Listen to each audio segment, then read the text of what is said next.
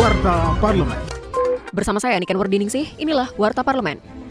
Anggota Komisi 4 DPR RI, Daniel Johan, mendukung program tambahan bantuan pangan beras kepada masyarakat pada akhir tahun ini. Ia mengingatkan pemerintah pentingnya keakuratan data keluarga penerima manfaat agar bansos tersebut tepat sasaran. Politisi fraksi PKB ini menyoroti persoalan yang kerap muncul saat penyaluran bansos, yakni data penerima manfaat yang tidak terbarui. Oleh karena itu, ia mendorong adanya pembaharuan data terpadu kesejahteraan sosial milik Kementerian Sosial.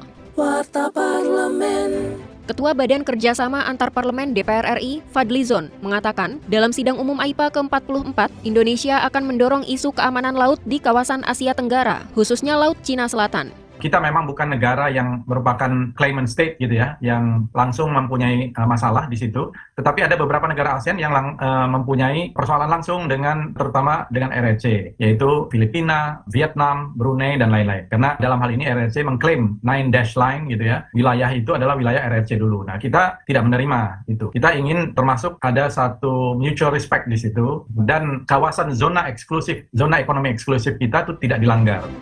Informasi selengkapnya kunjungi laman dpr.go.id.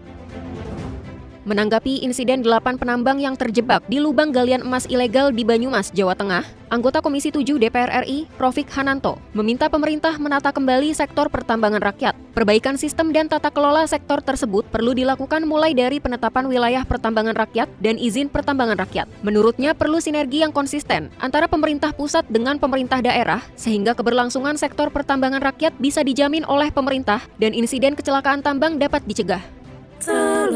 Televisi Radio Parlemen. Demikian Warta Parlemen, Produksi Televisi dan Radio Parlemen, Biro Pemberitaan Parlemen, Setjen DPR RI.